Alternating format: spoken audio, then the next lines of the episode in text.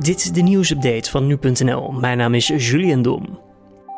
Er zijn het afgelopen etmaal 9737 positieve coronatests gemeld. Daarmee is het voor het eerst in ruim een week tijd dat het dagaantal hoger is dan het gemiddelde van de afgelopen zeven dagen.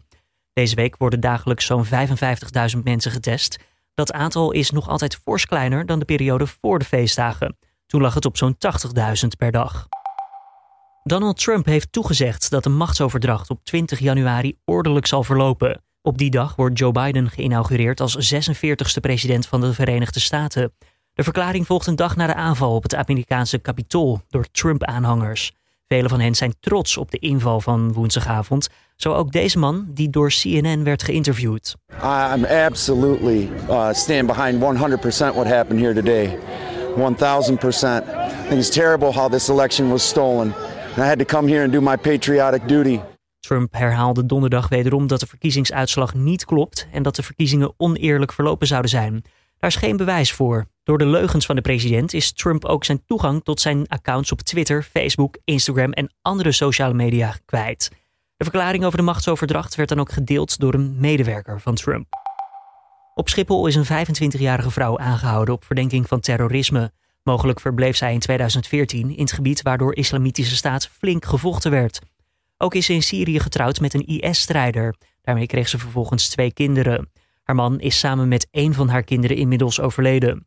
De vrouw zit momenteel vast en de kinderbescherming ontfermt zich over het tweede kind. Het OM doet geen strafrechtelijk onderzoek naar de Belastingdienst na aanleiding van de kinderopvangtoeslagaffaire, omdat er geen sprake zou zijn van juridisch verwijtbaar gedrag. Naar aanleiding van de affaire is er vorig jaar aangifte gedaan tegen de Belastingdienst. Maar het OM concludeert nu dus dat er geen strafrechtelijk onderzoek komt. Teleurstelling bij kinderen in De Rijp. De gemeente had 50 cent per opgehaalde kerstboom beloofd aan de jongeren, maar komt daar nu op terug vanwege de coronamaatregelen. Dat meldt NH Nieuws. De kinderen waren aanvankelijk enthousiast toen ze de folder kregen met het bericht dat ze geld konden verdienen. Nou, kijk, als je dus een boom ziet, dan, dan denk je, oh ja, die willen we hebben. Dus je rent er meteen naartoe.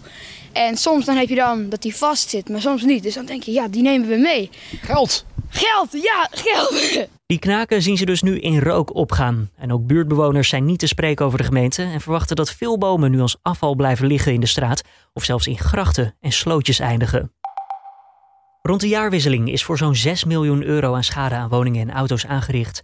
Dat is een stuk lager dan vorig jaar, want toen lag het steeds rond de 14 miljoen euro. Dat meldt het Verbond van Verzekeraars. En dat kwam natuurlijk vooral door het vuurwerkverbod. Dus de verzekeraars hopen dat het een blijvertje is, zeiden ze op Radio 1. Ik vind toch dat we, ondanks dat de cijfers natuurlijk nu gunstiger zijn, toch niet normaal moeten gaan vinden dat er uh, miljoenen schades zijn en dat er uh, ja, toch behoorlijk wat mensen ook weer uh, verwondingen oplopen.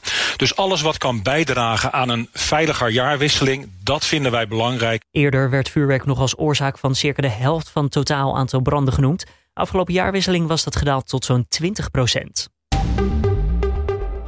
En dit was dan weer de nieuwsupdate van nu.nl.